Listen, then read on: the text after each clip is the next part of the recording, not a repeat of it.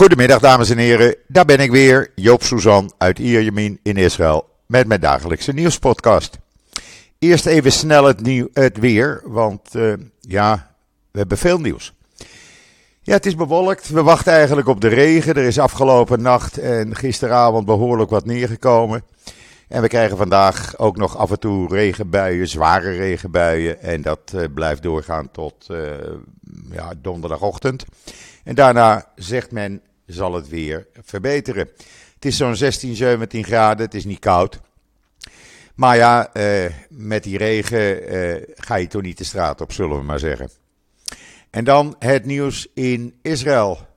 Ja, dat wordt overschaduwd door het helikopterongeluk gisteravond.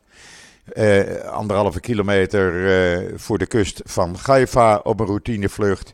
Daar zijn twee IDF-officieren bij om het leven gekomen. En uh, een ander bemanningslid werd gewond en ligt in het ziekenhuis, waarschijnlijk met een gebroken rug. Um, het was een 25 jaar oude Atalef A565 Panther helikopter. Je kunt het allemaal lezen trouwens met video en al het nieuws op israelnieuws.nl. En het was een uh, routine trainingsvlucht. Uh, en uh, ja, men weet niet waarom het neerstortte, maar op een gegeven ogenblik, mensen zagen het vanaf de kust, stortte die neer. natuurlijk werd er gelijk een grote reddingsoperatie opgezet. Maar uh, ja, helaas voor de twee slachtoffers, luitenant-kolonel Eres Sagayani, die was plaatsvervangend commandant van de Ezeren Weizmann Ramat David Airbase in Haifa. 38 jaar, getrouwd en vader van drie kinderen. Die is omgekomen. En ook major Gen Vogel, 27 jaar, helikopterpiloot en plaatsvervangend commandant van het 193ste, 193ste Squadron, ook uit Haifa. Uh, ja, het hele land is daar toch wel uh, even van slag. Er komt altijd hard aan hier. Uh, president, of, premier Bennett reageerde op Twitter en zei: Die piloten van de luchtmacht die bij het ongeval zijn omgekomen, behoorden tot de beste van onze zonen. Het volk van Israël zal hun bijdrage aan de veiligheid van de staat Israël nooit vergeten. Ja, de patiënt of de, de, het bemanningslid wat het overleefd heeft, die uh, ligt dus in het ziekenhuis. Men hoopt hem vandaag van de intensive care naar een reguliere afdeling te brengen. En uh, ja, die moet dus aan zijn herstel werken. Uh, het type helikopter wordt voornamelijk gebruikt voor missies op zee. Het kan ook landen op de Saar 5 en 6 uh, eh, fregatten. ja, en men weet het gewoon niet. De wrakstukken spoelen aan. Men gaat het onderzoeken. Men gaat ervan uit dat het een technische fout is. Een technisch probleem. En er was ook geen noodoproep of wat dan ook. en men hoopt dat er nog een geluidsopname uh, terechtkomt vanuit de helikopter. Om te kijken wat er nou precies aan de hand was. En dan COVID. Ja, helaas, helaas, maar het was voorspeld. We zitten boven de 10.000 nieuwe besmettingen in 24 uur. Op maandag werden bijna 200.000 mensen getest. Ja, het is niet normaal, terwijl het de capaciteit op 170.000 staat. 197.402 mensen werden getest op COVID-19. 10.644 bleken besmettelijk. Uh, het uh, positiviteitspercentage blijft stijgen. Stond het zondag op 4,87 Nu staat het op 5,51% en het zal omhoog blijven gaan. Ook het aantal actieve patiënten in het land is behoorlijk gestegen. Er zijn 7907 patiënten bijgekomen in 24 uur, moet je nagaan. En we hebben nu 45.580 actieve viruspatiënten. Dat was de stand op afgelopen nacht om 12 uur. Er zitten er 34 in een quarantainehotel en gelukkig liggen er maar 236 in de ziekenhuizen. Maar dat zijn er wel 33 meer dan op zondag. 117 patiënten zijn ernstig ziek, 47 kritiek, waarvan 38 eh, aangesloten aan beademingsapparatuur. Er zijn helaas de afgelopen 24 uur drie mensen aan de gevolgen van COVID-19 overleden. En het aantal doden staat dus nu op 8247. Opnieuw zei het ministerie dat rond de 75% van alle patiënten in de ziekenhuizen niet is gevaccineerd en over het algemeen jonger zijn dan 25 jaar. Inmiddels hebben gisteren, nadat het mogelijk was, al enkele tienduizenden mensen zich voor de vierde keer laten vaccineren. En ruim 100.000 mensen hebben een afspraak gemaakt voor de komende week om een vierde vaccinatie uh, toegediend te krijgen. Uh, ik heb het nog niet gedaan. Ik, uh, ik wacht nog even af, maar ik ben wel van plan die vierde vaccinatie te nemen. Ik wil eigenlijk weten hoe die test in het Sheba Medical Center uitpakt. Want ja, als blijkt dat die vierde vaccinatie geen enkele uitwerking heeft tegen Omicron en ook je eh, antilichamen niet verhoogt, ja, dan heeft het geen nut natuurlijk. En niemand kan dat zeggen, niemand weet dat. Wat we wel weten inmiddels, eh, Dr. Sharon Alroy Prijs, dat is eh, het hoofd van de volksgezondheidsdiensten in Israël, die was heel duidelijk op Channel 13 Nieuws gisteravond. Ze zei het heel simpel: we hebben geen controle meer over de Omicron-variant. Het enige wat we doen, zegt ze, we proberen zoveel mogelijk infecties te vermijden en de kracht van deze golf in te dammen. Maar het is een hele grote virusgolf. Het is een epidemie die zo snel gaat, niet alleen in Israël, maar overal ter wereld. Ze zegt: we concentreren ons nu op de ernstige COVID-19 gevallen. En eh, niet alleen maar op het terugdringen van de infectiepercentages. Waar zij zegt dat er eh, geen sprake van is dat, er, dat Israël werkt aan een vorm van kudde-immuniteit, zei de vorige uh, coronavirus uh, professor uh, Gamzu, het CEO van het grote Igilov ziekenhuis in Tel Aviv, dat volgens hem, als het zo gaat zoals het nu gaat, dan krijgen we wel kudde-immuniteit. Hij zegt dat valt niet te ontkennen, dat gaat gewoon gebeuren. Maar hij is wel optimistisch over die beslissing om een vierde vaccinatie aan te bieden. Dat is vrijwillig. Voor mensen boven de 60 en medisch personeel. En mensen met een verzwakt immuunsysteem. Hij zegt, want het is zo logisch als 1 plus 1 is 2. Daarentegen had hij wel kritiek op de voortdurende beperkingen om de toegang vanuit het buitenland te beperken. Maar goed, we weten inmiddels dat vanaf 9 januari iedereen weer welkom is, mits gevaccineerd uh, drie keer. Dan moet je je wel laten testen, maar dan kan je het land weer in en die test, ach, de uitslag is binnen een paar uur bekend.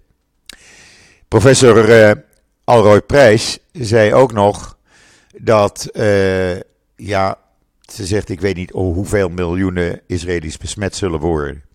Maar als we kijken naar het buitenland, zullen enkele miljoenen Israëli's besmet worden. Het enige wat we kunnen doen is erop blijven hameren, zegt ze, om zoveel mogelijk maskers te dragen. Nou, ik heb mijn masker maar veranderd. Ik draag tegenwoordig zo'n N95 masker. Men zegt dat is beter. En uh, in Nederland heet het geloof ik PF2 of zo, of PFF2. In ieder geval, uh, je ziet ze ook steeds meer hier gedragen worden. En dan COVID-19 heeft weer een nieuwe variant. Want die is in Frankrijk opgedoken. Ja, dat zal altijd wel door blijven gaan. Ze hebben hem ook een naam uh, gegeven voorlopig. Hij heet de B16402 variant. Hij is in Zuid-Frankrijk uh, uh, waargenomen. Er zijn twaalf mensen inmiddels mee besmet. En hij komt uit Cameroen. Ja, uh, hoe dat dan weer in Zuid-Frankrijk komt, nou ja, meegenomen waarschijnlijk door iemand uit Cameroen. Uh, de Fransen zeggen dat deze nieuwe variant uh, eh, 46 nieuwe mutaties heeft. Nou, dat zijn er nogal wat. Uh, moeten maar afwachten hoe dit zich weer gaat ontwikkelen. Ik las trouwens op RTL Nieuws: skiën is zo leuk. Maar er kwamen wel uh, zo'n duizend Nederlanders met Omicron terug uit uh, uh, Oostenrijk. Ja, en of ze dan in quarantaine gaan, dat moet je dan maar afvragen. in Nederland blijkt dat 15,8% van alle besmettingen tussen 27 december en 3 januari vanuit een ander land, Nederland, zijn binnengebracht. Eh, voornamelijk uit Frankrijk, 740 mensen. België, 682 mensen kwamen daar besmet van terug. En Duitsland met 669 besmettingen. En Spanje, daar kwamen 605 Nederlanders terug die besmet waren. Dus dat gaat eh, ook niet goed. Je kan maar beter binnen blijven of thuis blijven. En dan even wat anders. Techstars, een start-up accelerator, die vond uh, ja, één cohort per uh, jaar niet genoeg. En uh, ja, die zijn nu weer beginnen, begonnen met het uitbreiden naar twee cohorten. Het aantal deelnemers kan aan die start-up selectie worden verdubbeld. En ze krijgen elk een investering tot maximaal 120.000 dollar. Ze krijgen begeleiding van ervaren mentoren en toegang tot Techstars wereldwijde netwerk van professionals uit de high-tech-industrie en de investeringsindustrie. Nou, is natuurlijk hartstikke mooi. En dan uh, uh, iets anders is dat Israëlische start-ups in 2021, ja, ga er even goed voor zitten, een recordbedrag hebben opgehaald van 25,6 miljard dollar. Ja, u hoort het goed. Het is nog nooit zoveel geïnvesteerd in Israëlische start-ups. 25,6 miljard. In 2020 was dat 10,3 miljard. Er waren 673 financieringsrondes in 2021. Ja, eh, alleen al in het vierde kwartaal waren er 206 deals waar 8 miljard dollar werd opgehaald. Het hele verhaal kunt u lezen op Israël Nieuws natuurlijk. Ja, en dan hebben we op Israël Nieuws een heel interessant artikel, uh, een interview wat onze vaste schrijver uh, Bas Belder had met uh, professor Herman van Praag over zijn nieuwe boek Mozes Nalatenschap Mensenrechten in een historisch perspectief. En ja, waar gaat dat boek over? Nou, dat boek gaat voornamelijk over Jodenhaat en Israëlhaat. En het is een heel uitgebreid interview. Ik vond het fantastisch om te lezen. Ik raad u aan, ga het even lezen op israelnieuws.nl. Dan bent u ook weer helemaal bij. En dan uh, een artikel in de Jeruzalem Post zegt dat Israël in de jaren 80, eh, of eigenlijk de Mossad, Duitse en Zwitserse bedrijven heeft gebombardeerd en het leven zuur gemaakt die eh, Pakistan hielpen om kernwapens te ontwikkelen. Uh, het is een heel verhaal. Het komt uit het Zwitserse dagblad Neue Zürcher Zeitung. Uh, die heeft daar zaterdag over geschreven. En die zegt dat uh, Israël gewoon niet wilde dat Pakistan de eerste islamitische staat zou worden die een atoombom had. Dus heeft men de Mossad erachter gezet. En die zou dus bomaanslagen op Zwitserse en Duitse bedrijven hebben uitgevoerd. Uh, maar ze hebben er geen bewijs voor. Het zijn uh, vermoedens. Of dat zo is, nou, het zal niet bekend worden. Uh, wat betreft die Pakistan uh, die in Nederland toen zat, meneer Abdul Kadir Khan. Ja, daar wordt niet over gesproken, maar het zou best eens kunnen zijn dat hij ook door de Mossad in de gaten werd gehouden, dat hij misschien daardoor gevlucht is vanuit Nederland naar Pakistan. Want de Mossad had ontdekt dat hij een ontmoeting had met een Iraanse organisatie voor atoomenergie in een hotel in Zurich.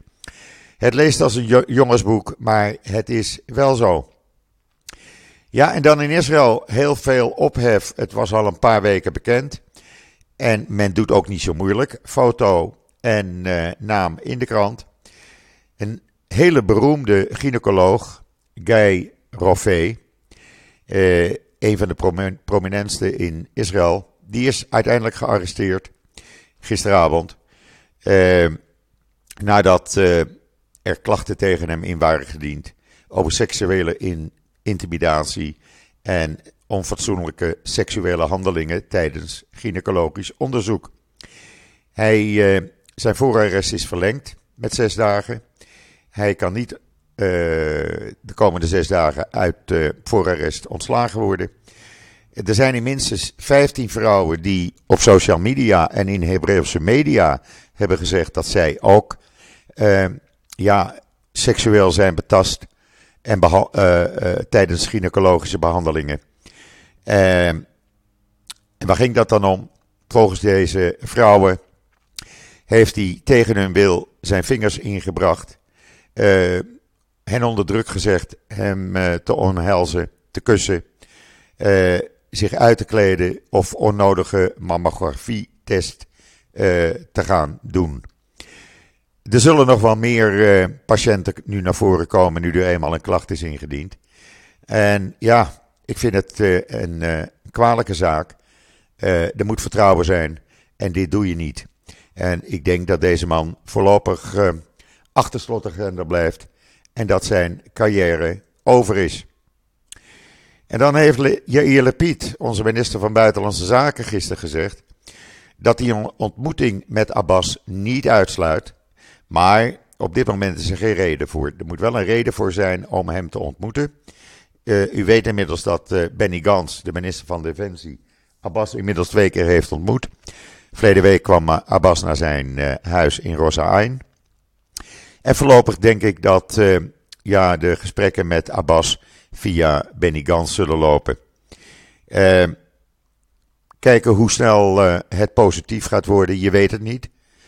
Wat ik wel weet inmiddels, en dat vind ik een rare zaak, is dat in het Nederlandse regeerakkoord van de nieuwe vierde regering Rutte is het geloof ik. Daar staat heel duidelijk in dat Nederland voorstander is en daaraan gaat werken voor een twee-staten-oplossing. En dan denk ik, Nederland, waar bemoei je je mee? Heb je geen andere dingen in je eigen land op te lossen? Moet je je weer zo nodig met Israël en de Palestijnen bemoeien? Uh, wij zoeken dat zelf wel uit. En daar hebben we Nederland niet voor nodig. En om dat in een regeerakkoord te zetten. Ja, ik zou haast denken, ik weet wie daarachter zit. Ik noem even geen namen. Begin met een K, het eindigt met een G. Want ik vind dat een hele kwalijke, rare zaak. En dan, uh, inmiddels heeft zich iemand, ik zeg niet wie, uit de politiek bij mij gemeld gisteravond. Die heeft mij gemeld, gebeld. En die heeft gezegd: Joop, ik heb dat artikel gelezen van je over uh, dat rapport over de UAWC. En als je op de link uh, klikt, dan staat er niet voor publicatie bes, bestemd. Ik ga uitzoeken voor je wat daarachter zit. Waarom men dat niet gepubliceerd wil hebben. Want ja, misschien staan er dingen in die niet in het voordeel van de Nederlandse regering zijn. CQ mevrouw Kaag, die toen de tijd zoveel geld aan de UWC heeft gegeven. Diezelfde club waarvan een aantal mensen betrokken was bij de moord op de 17-jarige Rina Schnerp, twee jaar geleden. En uh, zij zegt, ik ga het uitzoeken, ik laat je zo snel mogelijk weten wat er aan de hand is en waarom dit niet bekend mag worden. Nou, ik ben benieuwd. Ik wacht het af, want niet e- alleen ik ben benieuwd. Maar ik heb tientallen reacties van iedereen gekregen. Iedereen eh, schijnt er benieuwd eh, na te zijn. En het is natuurlijk een rare zaak. Je laat voor 26.000 uh, euro een rapport maken. En dan is het uh, klaar. En dan hou je het geheim. Waar rook is, is vuur, zullen we maar zeggen. En dan de Iraanse president. Die had weer wat. Meneer Raisi. Hij zegt: uh, Wij zullen wraak zweren voor de moord op Soleimani. Maar misschien doen we dat niet als uh, voormalig Amerikaans president Trump voor de rechtbank komt hiervoor. Want hij heeft de opdracht gegeven hem te vermoorden. Nou, uh, we wachten dat maar af. We weten hoe Iran inmiddels reilt en zeilt. Ja, en dan hadden we Emma Watson, heel populair uit de Harry Potter serie. Nou, voor mij kan ze de Potter op. Want mevrouw Watson is heel erg solidair met de Palestijnse strijd om de Joden Israël uit te krijgen. Zij maakt er geen geheim meer van. Solidariteit met het Palestijnse volk, met de Palestijnse straat, daar gaan we voor. Nou, dat heeft dus niets meer met Harry Potter te maken, zou ik zeggen. ik zou zeggen, met z'n allen boycotten die tante, die Emma Watson.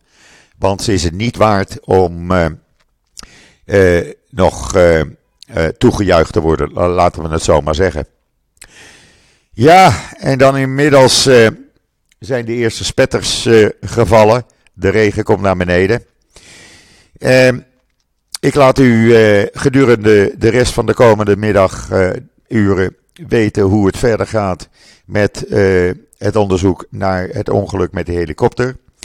We houden de vinger aan de pols, zullen we maar zeggen. En natuurlijk met de Omicron variant. Want de verwachting is namelijk dat we tegen het eind van de week op 20.000 besmettingen zitten. Het uh, verdubbelt gewoon uh, elke anderhalve dag. En dat blijkt ook wel. Want we zaten eind verleden week op een uh, eh, 4000 besmettingen. Nou, dan heb je zaterdag, zondag, maandag, drie dagen. Zijn er 6000 besmettingen bijgekomen. Ruim 6000. Dat gaat natuurlijk hard. Dus dan mag je ervan uitgaan dat morgen 12, 13.000 besmettingen zijn bereikt. En zo gaan we door. Dit staat u in Nederland nog allemaal te wachten dus. Eh, hou daar rekening mee. En hou je nu gewoon aan de beperkingen die wij in Israël doen. Mondkapjes, eh, geen grote bijeenkomsten. Eh, niet met z'n allen op een kluitje bij elkaar. Ga vroeg naar de supermarkt, dan is het nog rustig. En eh, ja, beperk je eh, gewoon in allerlei dingen. Want eh, ja, niemand zit te wachten om besmet te raken natuurlijk. Dat brengt mij tot het einde van deze podcast op dinsdag de 4 januari alweer. Uh, wens iedereen nog een hele fijne voortzetting van deze dinsdag. Uh, hou die afstand, draag je mondkapje. En uh, wat mij betreft, ik ben er morgen weer. En zeg zoals altijd, tot ziens, tot morgen.